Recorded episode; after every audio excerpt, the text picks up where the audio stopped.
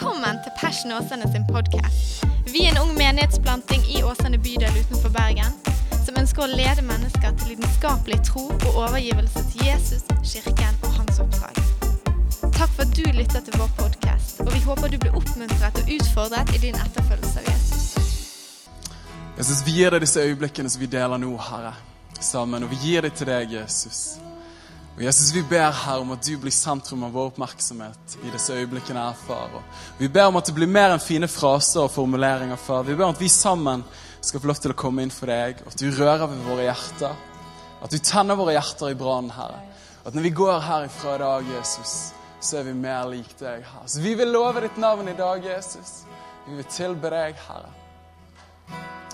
Du vil være det her. Forlovet være Jesu navn. Lovet være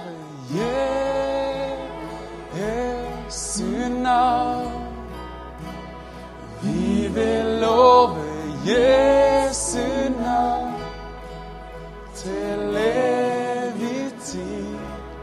Lovet være Jesu navn. La oss ta det opp en gang.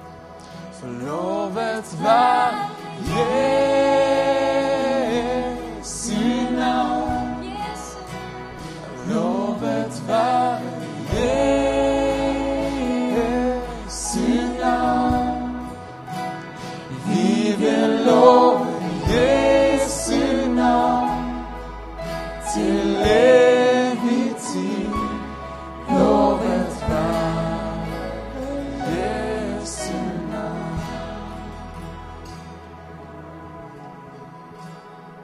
Halleluja. Tusen takk for låsen. Skal vi ta og gi dem en skikkelig applaus?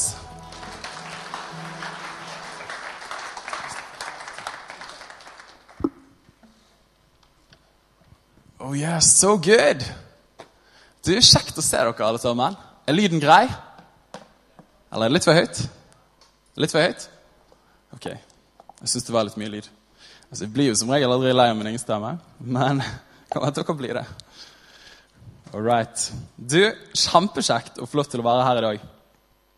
Alltid en glede å få lov til å forsyne Guds ord. Kan ikke du ta før vi begynner å preke, kan ikke du ta og snu deg til en ved siden av deg, så kan du si at uh, du er god nok? Si det til dere tror det. Og så kan du få lov til å snu deg til i òg, og så kan du få lov til å si at uh, dette kommer til å være den beste preken du har hørt på lenge, så det er best å følge med.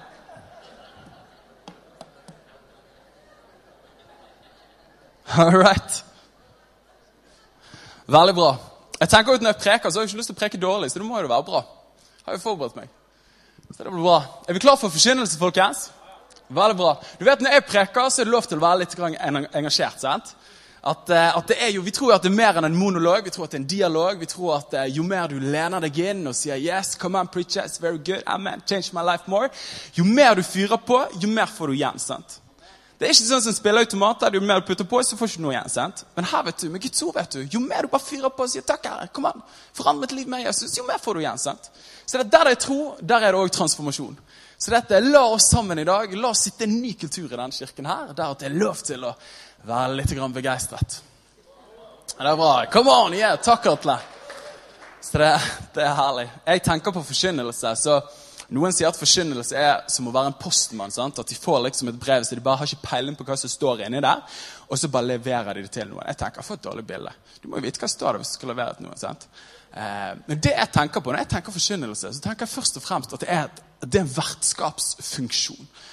Hva mener du med det, Daniel? Jo, det jeg mener med det, er at når vi får lov til å forkynne Guds ord, så er det akkurat som man har råmateriale. Bibelen er der alltid. Men som en god forkynner så er det en jobb å kunne tilberede det. Du få lov til å sitte deg i fin stand, og så kan du få lov til å dekke bordet. Og så kan du få lov til å invitere lytteren, og så er Gud der allerede. Så er man med å bare dekke et bord der det kan oppstå en dialog mellom våre hjerter og Guds hjerte. Og etter de 30 minuttene man har prekt, så vil man, så forlater vertskapet. sant? De, bare, de stikker, og så fortsetter stemmene møtet. Så det tenker jeg forkynnelse er. Det er en stor love-klisjé. Så la oss være med på det sammen. Ok. Jeg syns det var et bra bilde. Takk for latteren. Ok, I dag så er dagens tekst den er jo funnet i Johannes' åpenbaring.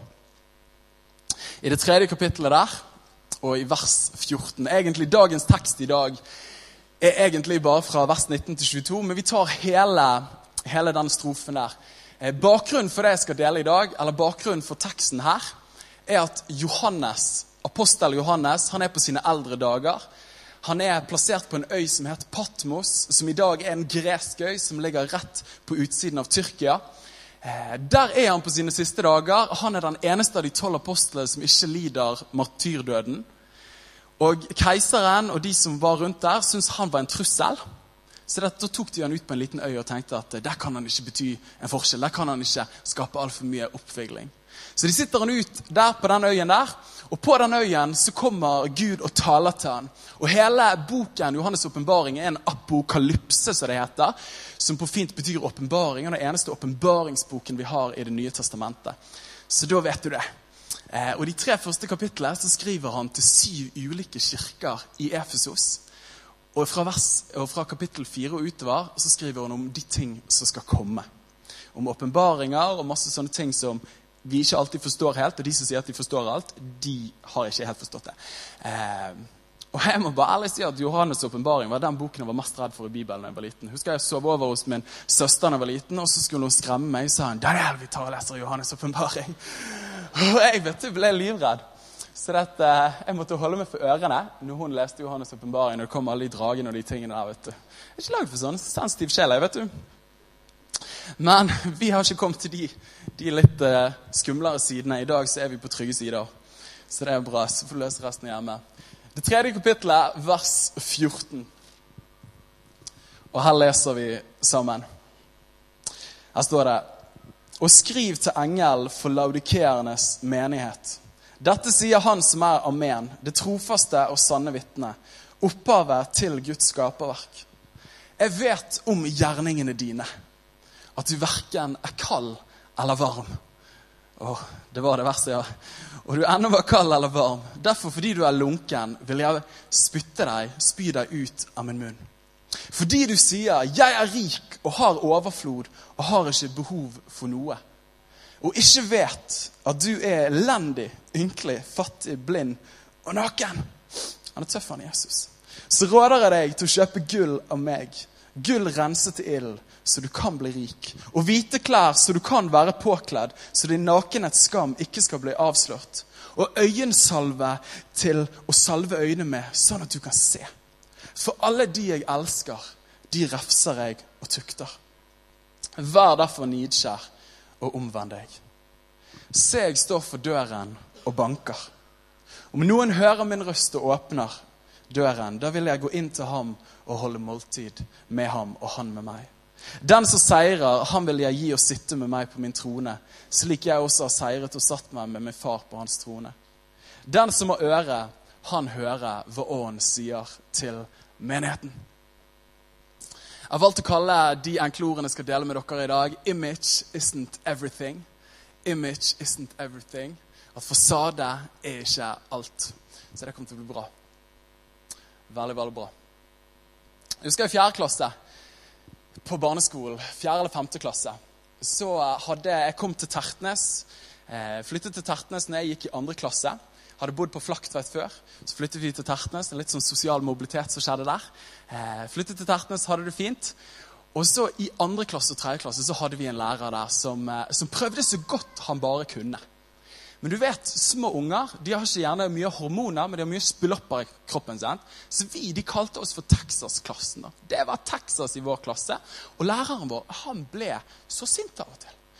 Altså Av og til så bare, Han var trønder. Han fyrte på. Eh, og det var bare Nå er det nok, folkens! sant? Et eller annet sånt. Eh, og så fant vi ut Foreldrene de fikk nok. da. Så de kontaktet eh, skolen og sa at vi trenger en ny lærer til Daniel og disse Ikke bare Daniel, men til klassen. Eh, og så fikk vi en lærer da, som var fra den gamle skolen. sant? Sikkert, De fleste har sikkert hatt en sånn lærer. Men dette var, dette var, læreren der den progressive pedagogikken gjerne hadde gått litt ut vinduet. Og så var det den tyske konservative pedagogikken som var dominerende. sant? Det var en rogalending, sant? så hun satte oss på plass, denne kvinnen her. Fantastisk dame. Hun fikk kikk på meg, hun fikk kikk på oss. Og husk at det var En av de første foreldresamtalene vi hadde med hun, da lærte hun meg, mamma og pappa et nytt ord som vi aldri kom til å glemme. For det hun sa da, Det tok ikke lang tid før vi hadde kommet inn der. Jeg hadde vært litt rampete på forhånd. Mye spillopper i kroppen. Så jeg tenkte at det her kan bli interessant. Men jeg visste ikke det skulle bli så interessant som det ble. For vi kom inn der på foreldresamtale, og hun, vet du Tøff som hun var, tok ikke lang tid før hun så på meg sånn Daniel! Og foreldre. Jeg skal si dere én ting. Daniel han er en skikkelig pøbel når han er for seg sjøl. Vet du hva du er, Daniel? Du er en øyentjener. Og så bare fyrte hun på. sant? Og Mamma sa det forleden dag, så jeg, jeg kjente ikke det ordet før jeg kom der. Jeg fikk beskjed om at det var en skikkelig øyentjener. Når han er foran mennesker, så prøver han å ta seg fint ut, men han kommer for seg sjøl. Så han er en liten luring, den gutten der. Jeg trodde ikke det var lov til å si sånn. Hvor forsvant den progressive pedagogikken med barnet i sentrum? At de skulle få lov til å utvikle seg i eget takt og tempo? sant? Det bare forsvant ut vinduet der med en gang. Eh, og mamma de ble satt til veggs, de òg. Og Bakgrunnen for historien her var egentlig at jeg og Sverre Mjelstad som spilte trommer her. Han har blitt en fin gutt etter hvert, han òg. Eh, men det var at vi en dag hadde vært oppå oppe en trafoboks dette er bare en sånn sideinformasjon, men det er artig. Oppe en trafoboks så hadde vi tatt med en kompis i klassen min som ikke var blant de kuleste og sterkeste. Han hadde hevet sekken sin opp på trafoboksen, for vi alle skulle opp på trafoboksen. Men så når det kom til hans tur, så tørte han ikke å dra opp på trafoboksen. Så jeg og Sverre på den tiden gikk vi alltid rundt med lommekniv i lommene våre. Vi hadde liksom ulike epoker, fordi vi eldste MacGyver. sant? Han er barndomshelten. Can I get a witness, liksom? Sånn MacGyver er mannen. Så vi hadde kniver i lommen, og så truet vi med å skjære av den lille bamsen som han hadde på sekken sin. Jeg vet det er hjerteløst, folkens.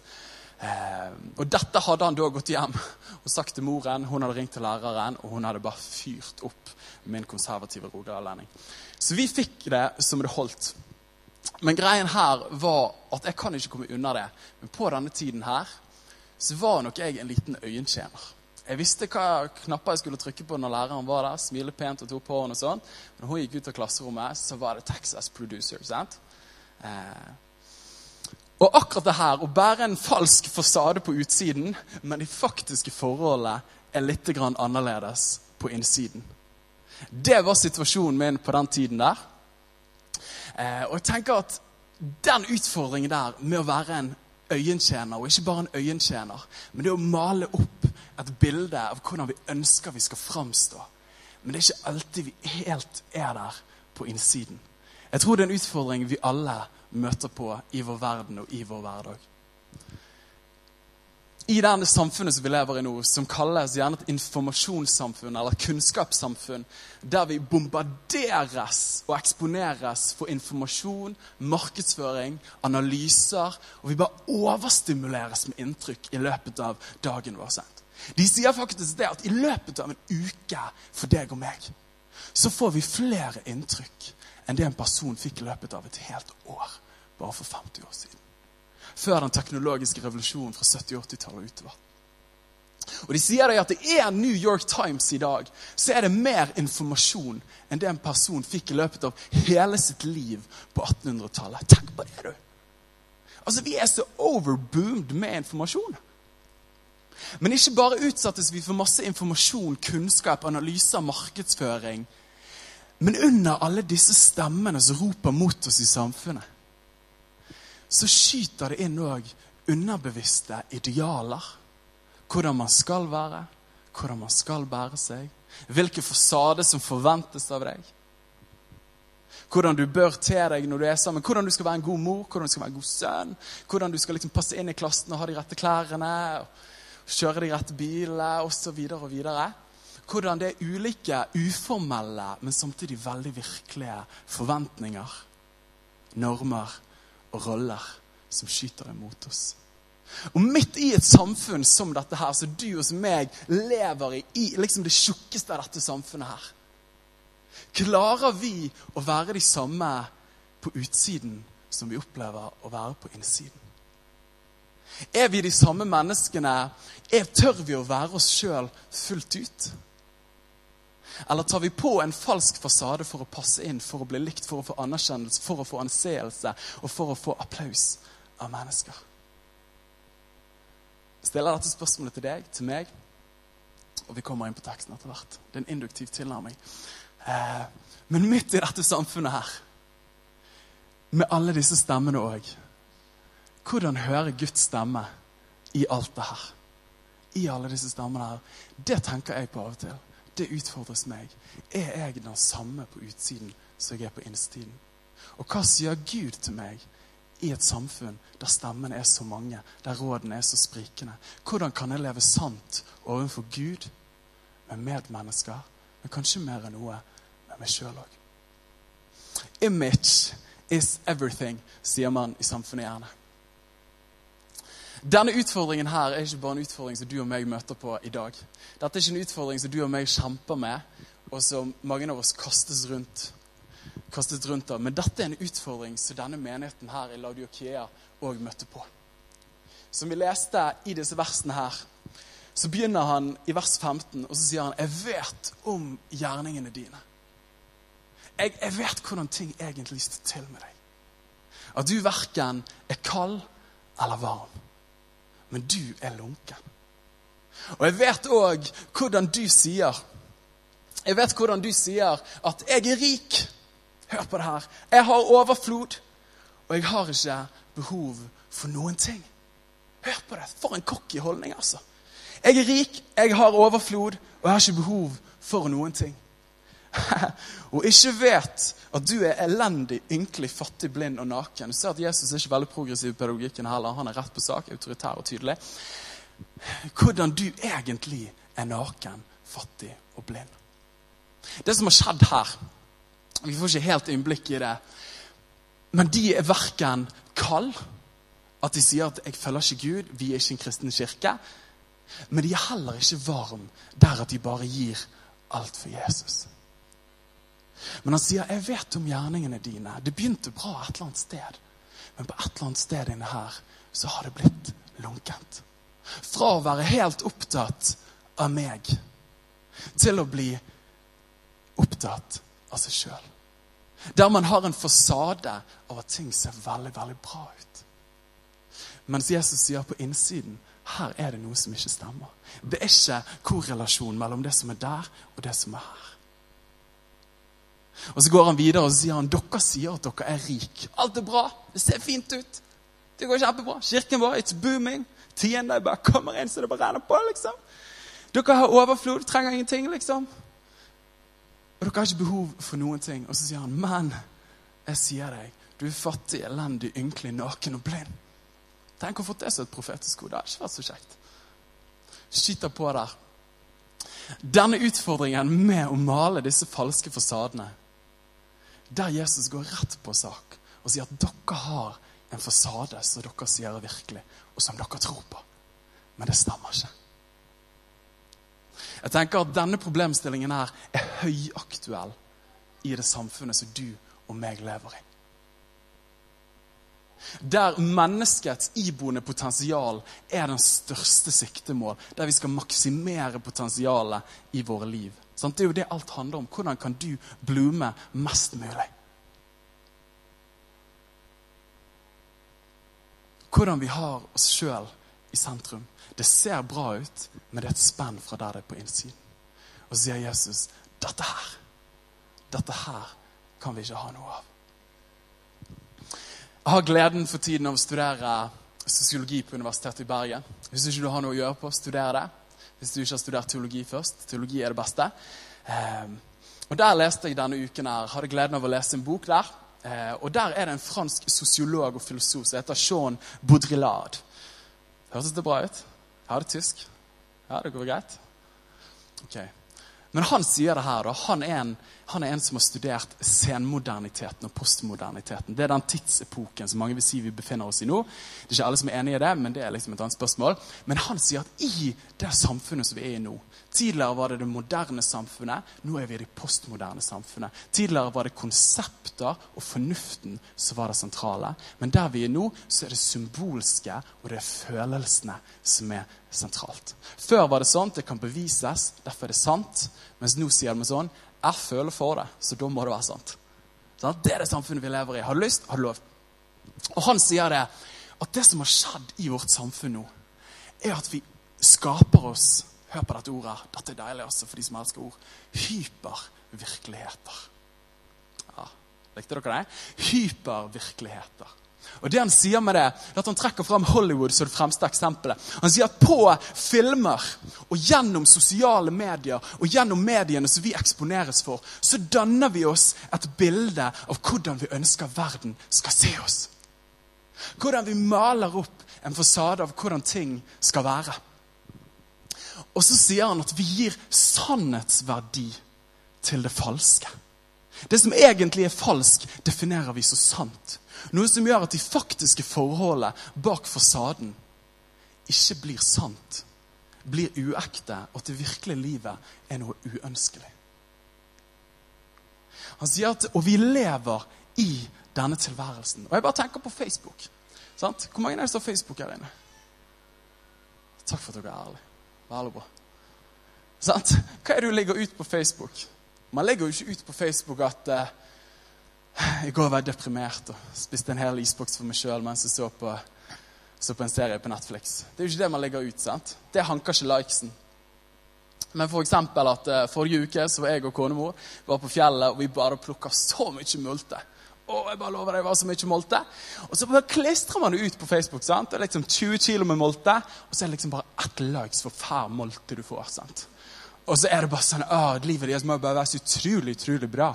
Livet det må være helt perfekt. Tenk å ha molte i hytt og pine. liksom. Det er jo det beste. Det er jo fjellets gull. ikke sant, Håvard? Sant? For de av oss som ikke liker det, skjønner ikke det. Men eh, legger du ut der, og så er det en liten like og en kommentar for per molte. Og så har du de andre ungdommene. ja, fy søren, altså, Forrige helg så var jeg på konsert med Justin Bieber. og altså Utrolig fett. altså, Jeg fikk liksom VIP-plassering, og jeg fikk tatt bilde sammen med han. og Det var bare så utrolig utrolig fett. Og så legger man det ut, og så er det liksom bare så 1, 2, 3, 4, 2, 300 likes. liksom. Og bare sender, yes, this is my life, can I get a witness? sant? Og så lager vi oss disse falske fasadene, og så blir det hypervirkeligheten. Og så sier man at det er sant, og det er en del av livet, men det er ikke realiteten. Og jeg må bare være ærlig, altså, men jeg kjøpte meg selfiestang i sommer. Og så, jeg, jeg skammer ikke meg over det. Kan si det her i dag. Men selfiestang er jo egentlig bare med for liksom Hvordan kan jeg framstille dette øyeblikket best mulig? Hvordan kan det se best mulig ut at jeg ser ut som jeg bare slapper av at noen andre jeg har venner som tar bilder av meg, for de syns det var så utrolig kult det som skjedde akkurat. Men sannheten er at jeg har en stikk som ingen ser hånden min, så jeg bare klipser. sant? Jeg var på Rodos i sommer, and we just loved that stick. If you wanna get likes, buy a stick, liksom. Hva de sier Hvis du vil ha hvis du, If you want clicks, buy a stick. Ah, et eller annet, Det rimte ikke noe. Beklager. Google det. Det rimer. Sant? Men vi ønsker i hvert fall å framstille en virkelighet. Og det som skjer da, er at spennet mellom fasaden og de faktiske forholdene blir veldig store. Akkurat som Jesus sier til denne menigheten her. Og det er, en, det er en skribent og en poet og en forfatter som heter Magnus Malm, som sier dette her at utfordringen i kristenlivet og i livet i det samfunnet vi lever i nå, er at vi har nettopp spennet mellom det som er, og det vi ønsker å framstille oss er. Og så blir spennet så stort at vi mister sannhetspunktet midt i her. Og så sier han at vi trenger å komme tilbake til sannhetspunktet. Når det som er der ute, og det som er her inne, er det samme. Jesus ønsker å ta med ta denne menigheten dit.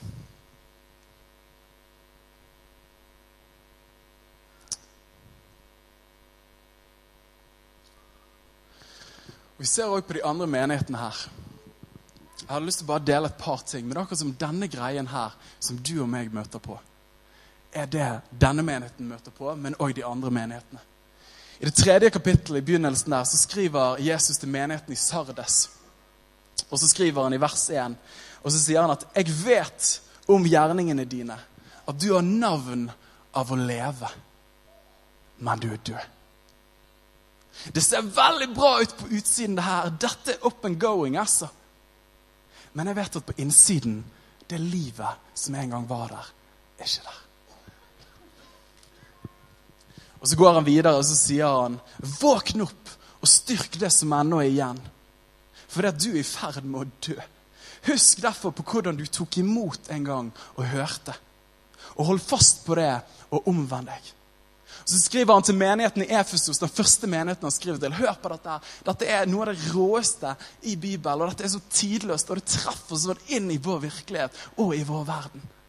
Han skriver her, og så sier han Jeg vet om gjerningene dine, arbeidet ditt, tålmodigheten din, at du ikke kan tåle de som er onde, at du har holdt ut, at du har tålmodighet. Og han bare liksom bare roser menigheten for alt det gode som skjer. Og så sier han, men jeg har likevel lett imot deg at du har forlatt din første kjærlighet. At du har forlatt din første kjærlighet. Og så går han til menigheten menigheten i Smyrna og sier i, i vers 2,9 så sier han, 'Jeg vet om gjerningene dine, trengselen din og om fattigdommen din.' Hør på det her. Jeg vet om fattigdommen din, men du er rik. Men du er rik. Og det er akkurat som I møte med Gud og i møte med den han er, så er det akkurat som Gud ikke spiller på premissene som samfunnet krever at vi spiller på. Og det er akkurat som Jesus som kommer til sin kirke og til sitt folk, og så sier han du, de falske fasadene der, få de bort, for jeg lodder dypere enn det. Jeg er ikke ute etter en hypervirkelighet, for jeg er definisjonen av den sanne virkeligheten. Jeg vet hvordan ting er. Jeg vet hvordan ting egentlig står til. I Salme 51,8 så sier Gud, sier David, og så sier han at du, Gud, du ønsker sannhet til det innerste. Du ønsker sannhet til det dypeste av det dype av det dype av vårt liv. Hebreabrevets forfatter i det fjerde kapittelet og vers 15 er det vel, så står det at alt Vers 13 så står det at ingen skapning er skjult for Han, men alt er nakent og blottlagt for Hans øyne, så vi skal avlegge regnskap for. Det han egentlig sier, er at du kan framstå som om man har alt, men på samme tid så har man ingenting. Og så sier han òg at det er også mulig å framstå som om du virker litt fattig, litt klein og litt kjip. Men du har egentlig alt. Og så er det akkurat som Jesus sier at det finnes en rikdom i dette livet, og som menighet, som går dypere enn multilikesen på Facebook og følgere på Instagram, og på applauser fra mennesker, og for alle familiefortellingene man forteller når man kommer i familiebesøk til alle de slektningene som man skal skryte fra for å liksom få seg litt opp. sant? Vi skjønner det. Eh, og så sier han det finnes en rikdom som stikker dypere enn det. Og jeg tror det er alle vår sin erfaring nesten. At mennesker som virker veldig vellykket Av og til så vet man at det er et vakuum mellom fasaden og de faktiske forholdene. Jeg tenker òg på, på, kjendiser. sant? De får en, en sånn applausstatus i vårt samfunn. Vi elsker dem. Vi dyrker det sterke mennesket og fasaden og de tingene der. Men de som går på de røde løperne ofte, er ikke det ofte de òg som virker å ha de største samlivsproblemene, personlige problemene, og som vet sliter. Og så På en eller annen merkelig måte så er vi likevel så fiksert på en fasade som vi ønsker å imitere, når vi egentlig vet at livet egentlig ikke bærer. Mens til, til gjengjeld så kan man ha så kan man ha en gammel bønnedame eller en gammel person, en voksen, moden person som ikke har de siste klærne fra Carlings eller andre butikker. Men så sitter de der, og så merker du at de har landet i livet sitt. At de står der med en fred og med en ro. Og så merker man at disse her er virkelig tilfredsstilt og har en rikdom som er uforgjengelig. Og det er her Jesus akkurat som bare lokker menigheten. Han bare lokker menigheten og sier at jeg, jeg, folkens, jeg vet at det funker sånn der ute, men jeg vil ha dere på et annet sted. Og Det er liksom en tidløs stemme i disse tingene her, der Jesus sier at 'jeg vet det funker sånn'. Jeg vet at det kreves, jeg vet at det finnes ulike forventninger, normer og roller som dere bør leve opp til. Men, men, men, men, men. Det finnes et liv som er så mye dypere. Kan jeg få lov til å lokke deg litt nærmere? Og Jesus, vet du, han har alltid en nådefull løsning. Gud avdekker ikke oss for å være kjip, men fordi han er kjærlig. Gud ydmyker ikke oss og stiller oss, avdekker situasjonen for å gjøre det kjedelig for oss, men fordi at han elsker oss så mye. Han elsker oss. Og Det står i vers 19, er det vel, 3.19, hvor jeg hopper litt i teksten, så står det her For alle de jeg elsker, de refser jeg, og de tukter jeg. Det er litt sånn språk som kan virke litt tøft. Barneombudet hadde ikke likt det. Vær derfor nidkjær og omvend deg. Og når jeg var i denne teksten på forhånd, og jeg fikk lov til å forberede meg og være i bønn over denne teksten, så er det akkurat som jeg opplever til mitt liv at Jesus bare utfordrer meg. For det er så lett å gå med på den takten og den tonen som samfunnet leverer oss. Og så er det akkurat som han sier at ikke si at du er rik hvis du faktisk er fattig. Og det å være rik i utsiden er ikke det som gjør deg rik på innsiden. Og jeg elsker det han sier. Han sier at 'vær nidkjær'. Dette er jo et ord som er gammelt, men egentlig betyr det 'vær lidenskapelig'. Husker du den første kjærligheten? Husker du første gangen vi møtte hverandre? Husker du første gangen jeg grep ditt hjerte med min nåde? Når det var liv der, når du ikke brydde deg om hva mennesker tenkte, og hvordan det opplevdes. Men på et eller annet sted i denne reisen så har man falt bort, og så har man begynt å spindle på andre premisser som samfunnet leverer. Vær nidkjær. Jeg ber deg. Kom tilbake til det sanne, til det ekte, til sannhetspunktet. For det er der jeg er. Og så kommer Jesus. sant? Det er så nådefull invitasjon med disse tingene her. Det er så nåde over Jesus. sant? Når du begynner å lese disse versene, så kan du tenke at her kommer han med hammeren. Men så leser du litt videre, og så bare ser du at hjertet til Jesus blør for sin kirke. Hjertet til Jesus lengter etter sine elskede. Og så sier han, 'Men, men, kom til meg'. Han inviterer oss til å komme til seg og sier han, 'Kom og kjøp gull hos meg', så du virkelig kan bli rik'. Og Så går han videre og så sier han, 'Kom og kjøp klær hos meg, hvite klær', så din synd og din skam og din nakenhet kan bli dekket. Og så sier han til slutt, 'Kom og få øyensalve hos meg', sånn at du virkelig kan se. Jesus er så god, folkens. Han er alltid god. Min erfaring etter å ha vandret sammen med Gud i, Jeg har tiårsjubileum i år, så det er veldig kjekt. Eh, ti gode ord, år. Jeg tenker at De neste ti årene kommer bare til å bli helt over the top. Eh, men det er fantastisk å vandre med Jesus. Og min erfaring med å vandre med Gud er at Gud alltid når han avdekker, så er ikke det for å la oss stå naken. Men det er for å ikle oss noe som er enda mer verdifullt.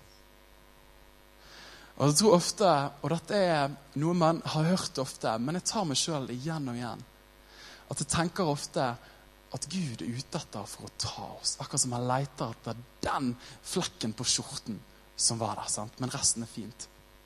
Men hvordan Jesus finner flekken, ikke for å henge deg ut, men for å bare fjerne den. At det er den han er. Det er den han er som person. Han er god. Derfor så avdekker han til å begynne med, sånn at han kan ikle med noe som varer ved.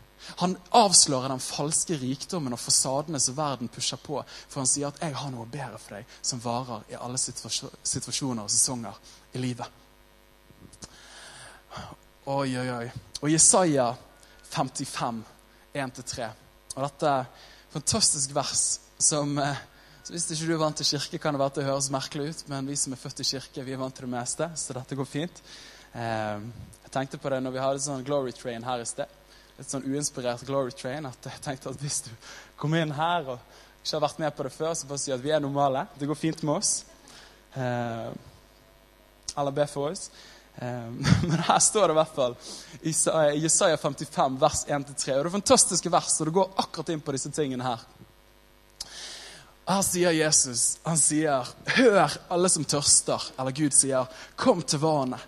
De som ikke har penger, kom, kjøp og et. Ja, kom, kjøp uten penger og uten betaling vin og melk. Hvorfor veier dere opp penger for det som ikke er brød? Hvorfor lever man for en fasade som aldri vil tilfredsstille? Og hvorfor bruker dere deres lønn på det som ikke kan mette? Hvorfor lever vi på applaus og anerkjennelse fra en verden som kommer med en midlertidig affeksjon som aldri kommer til å vare ved? Hør, hør på meg. Da skal du få ete det gode. Deres sjel skal glede seg stort med fete retter. Bøy øret hit til meg. Hør, så skal din sjel leve. Hør, så skal din sjel leve. image isn't everything. Ikke med Gud, det er ikke der han kaller oss til å leve. Så kaller han oss bort fra de tingene der, og han kaller oss til noe dypere. Og Da kan man si som Paulus. Jeg elsker disse versene her i 2. Korinteren i 6. kapittelet. Paulus kommer med en liste, og så begynner han å fortelle. Hør på det her. Er som Jesus bare frister oss til et liv med en sann rikdom. Og så sier Paulus han sier, vi er fattige, men likevel de som gjør mange rike. De som ikke har noen ting, men som likevel eier alt. De som ikke har noen ting, men som likevel eier alt.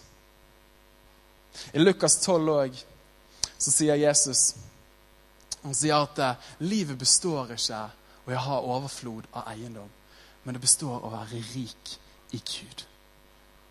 For der din skatt er, der vil ditt hjerte være. Og Der din skatt er, vil ditt hjerte være. Så da kan fasaden se ut akkurat som den ser ut. Men så er man virkelig rik på innsiden. Jesus kalte sin kirke tilbake i begynnelsen av urkirken. disse syv kirkene, tilbake, og Flere av dem det var fellesnevner som vi leste. Har navn over å leve, men er død. Du har alle de fine greiene, men har tapt den første kjærligheten. Du sier at du er rik, har overflod og ikke trenger noe, men du er egentlig fattig, ynkelig, blind, svak og naken. Ganske tøffe ord, men fordi han kaller oss nærmere til seg sjøl. Vær nidkjær. Husk på den første kjærligheten, og kom tilbake. Jeg hørte en kjendis som sa, en vis kjendis Han sa at eh, han, sa, han fikk spørsmålet hvordan klarer du å leve med så mye oppmerksomhet uten at det går inn på deg. Og så sa han jeg blir ikke fanget av oppmerksomheten, for jeg vet at han er midlertidig. Jeg vet at han er midlertidig. Eh, Mathias har lyst til å spille litt. Vi går inn for landing. Jeg vet at det er midlertidig. Og jeg tenkte på det når jeg satt og tenkte på disse tingene her. Så tenkte jeg på at mennesker og det å ha en fasade i vår verden er på en måte som lekepenger. For de som kjenner meg, vet at jeg ikke liker spill, men, men lekepenger. Og så lenge spillrunden varer, så har det en verdi. Men idet du kommer på butikken med de dampengene der, vet du 10 000 kroner vet du, fra Monopol, sant? Gud forby Monopol. Men kommer du med de pengene der, sant? så har det ingen verdi i det hele tatt. Du får ikke kjøpt noen ting. Du vil se på deg, så vil le av deg. Og det tenker jeg, i en verden med takt og rytmer og toner som krever en fin fasade i det hypervirkelige så er det som lekepenger som varer for den spillerunden, som varer den uken. Som varer den måneden, og så varer det året. Men vi bare ser jo det på klærne som var inn på 90-tallet. Går du med det i dag, så får du merkelig blikk, og du ser det mest igjen på Bad Taste Party. Det som fikk applaus på 90-tallet, er ikke det som blir anerkjent i dag. I verden så blir vi kastet rundt fram og tilbake. Men hvordan Jesus i sin nidkjærhet lengter etter å fundamentere oss på noe dypere, på noe mer stabilt, på noe mer evig. I det siste verset her så leser vi at det er et kjent vers. Han sier, 'Se, jeg står for døren og banker.' Om noen hører min røst og åpner døren, da vil jeg gå inn til ham og holde måltid med ham, og han med meg. Se, jeg står for døren og banker. Og det er som Jesus står for vår hjertes dør. Og fra at han begynner å avdekke oss til å begynne med, så sier han 'kom til meg' og inviterer oss til å komme til seg. Men Jesus er så lidenskapelig for ditt liv, for mitt liv, at bildet vender. Og så sier han plutselig 'ikke bare kom til meg, men jeg kommer til deg'. Jeg kommer til deg. Ja, faktisk, jeg står utenfor livet ditt. Jeg står utenfor din hjertedør, og jeg banker på døren. Og Jesus har ikke et håndtak sånn som denne døren på sin side. Jesus er ikke en som bryter seg inn, kommer med makt for å sitte seg i sentrum av våre liv. Han sier dette er en kjærlighetsrelasjon. Dette er det det handler om. Jeg vil ha deg fordi du vil. Og så står han og banker der. Og når jeg var i teksten denne uken, så kjenner jeg utfordres sånn. Så sier han om du hører min stemme. Av samfunnets så mange stemmer som står utenfor vår dør og banker på vår hjertestø. Det er så mange stemmer som banker. Det er så mange forventninger. Det er så mye som kreves av oss. Og det er så mye, kanskje enda mer, at nesten så vi banker fra innsiden av og til. Og har forventning til oss sjøl.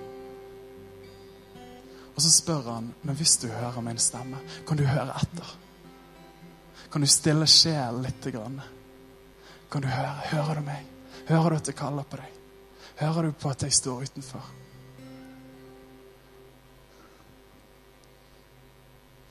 Og Hvis du åpner opp, så vil jeg gå inn og holde måltid med deg.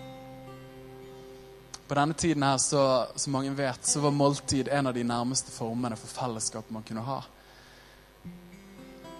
Og i, i Lukas 24 så møter vi på Emmaus-vandrerne. Hvis du ikke kjenner den historien, så kan vi ta den en annen gang. Men Emmaus-vandrerne står det at de gikk med Jesus, og så kom kvelden, og så inviterte de han inn til å spise med seg. Og så satte de seg ned, og så begynte de å sitte til bordstammen. Og så brøt han brødet. Og så står det at da åpnet deres øyne seg, og de kjente han igjen. Og de kjente han igjen. At med alle stemmene så er det vanskelig å kjenne Jesus igjen, sånn som disse menighetene her.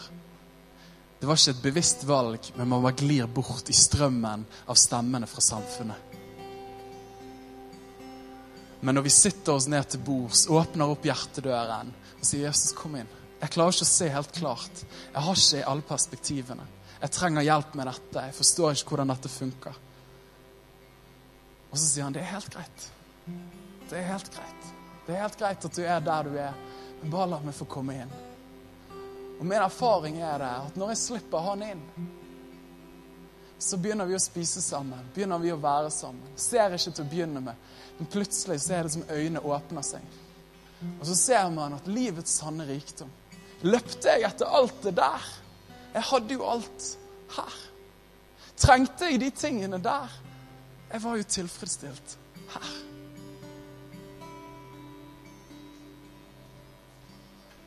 Det er en nådefull invitasjon. Det finnes en kjærlighet som kaller på våre liv.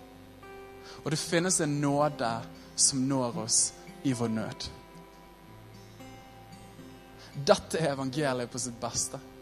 En Gud som er så lidenskapelig for sine folk, for sin kirke, at det ikke er greit for han at de glir mer og mer bort. Og i møte med våre liv Han står ikke og ser på uberørt når vi kastes rundt om, men han stopper opp og så kaller han på oss med sin kjærlighet. Og så kommer han med en nådefull invitasjon til å åpne opp våre hjertedører og til å kunne få lov til å slippe han inn. Eh, og jeg vet at det kan være at du tenker at Daniel, jeg er født på ny, jeg kjenner Jesus. Vi, jeg og han spiser treretters hver dag. Fantastisk. Men jeg kjenner at i mitt liv så kjenner jeg at jeg har gjerne sluppet han inn i min hoveddør i mitt liv. Men at det er områder av mitt liv som akkurat opplever Jesus banker på. Daniel, kan jeg få lov til å komme inn på ordbruken din, på måten du snakker om de personene på? Kan jeg få lov til å komme inn i møte med din økonomi, hvordan du styrer dine penger på? Kan jeg få lov til å komme inn hvordan ditt ekteskap er? Kan jeg få lov til å komme inn på det rommet der? Og så er det mange stemmer, og samfunnet vil alltid komme med en substitutt og en skygge av sannheten. Men Jesus er sannheten, og Jesus er livet. Så hvis du har lyst til det nå, så hvis du har lyst, kan du få lov til å reise deg. Eh, og så skal vi ta og be sammen. Eh, så ber vi en bønn sammen. Og så tar vi og synger eh, en tag. Og så skal vi gi muligheten for mennesker som hvis de sier vi har lyst til å ta imot Jesus i dag. Men la oss ta og be sammen først. Jesus, vi takker deg, Jesus, for at du er full av nåde. At du er full av kjærlighet, Jesus. Jesus, takker deg for at du aldri avdekker oss, Herre, eller ydmyker oss, Herre, for å framstille oss dumt, Gud. Herre, men du stripper oss fra substitutter fordi du har lyst til å gi oss det som er sant, Jesus. Herre, jeg ber for hver enkelt av våre liv, Herre. Vi er all in this together. Herre, vi trenger, Jesus, at du river de falske fasadene. Herre, at du kaller oss bort, Herre, fra falske ting, Herre, og kaller oss til sannhetspunktet der du er, Jesus. Jesus, kall oss til sannhetspunktet. Og Herre, jeg ber om at vi skal få lov til å åpne opp vår hjertedør og slippe deg inn, Jesus. Vi åpner opp vår hjertedør for deg, Jesus. Takker deg, Herre. Takk for at du kommer inn, og takk for at du sitter og spiser med oss, og du gir oss nytt mot, Herre. Mm. Jesu navn. Takk for at du lyttet til Passion Åsane sin podkast. Hvis budskapet inspirerte deg, del det gjerne videre, slik at enda flere kan bli styrket av Guds ord. Gud har en plan for ditt liv. Følg Jesus lidenskapelig og bety en forskjell for mennesker i din verden.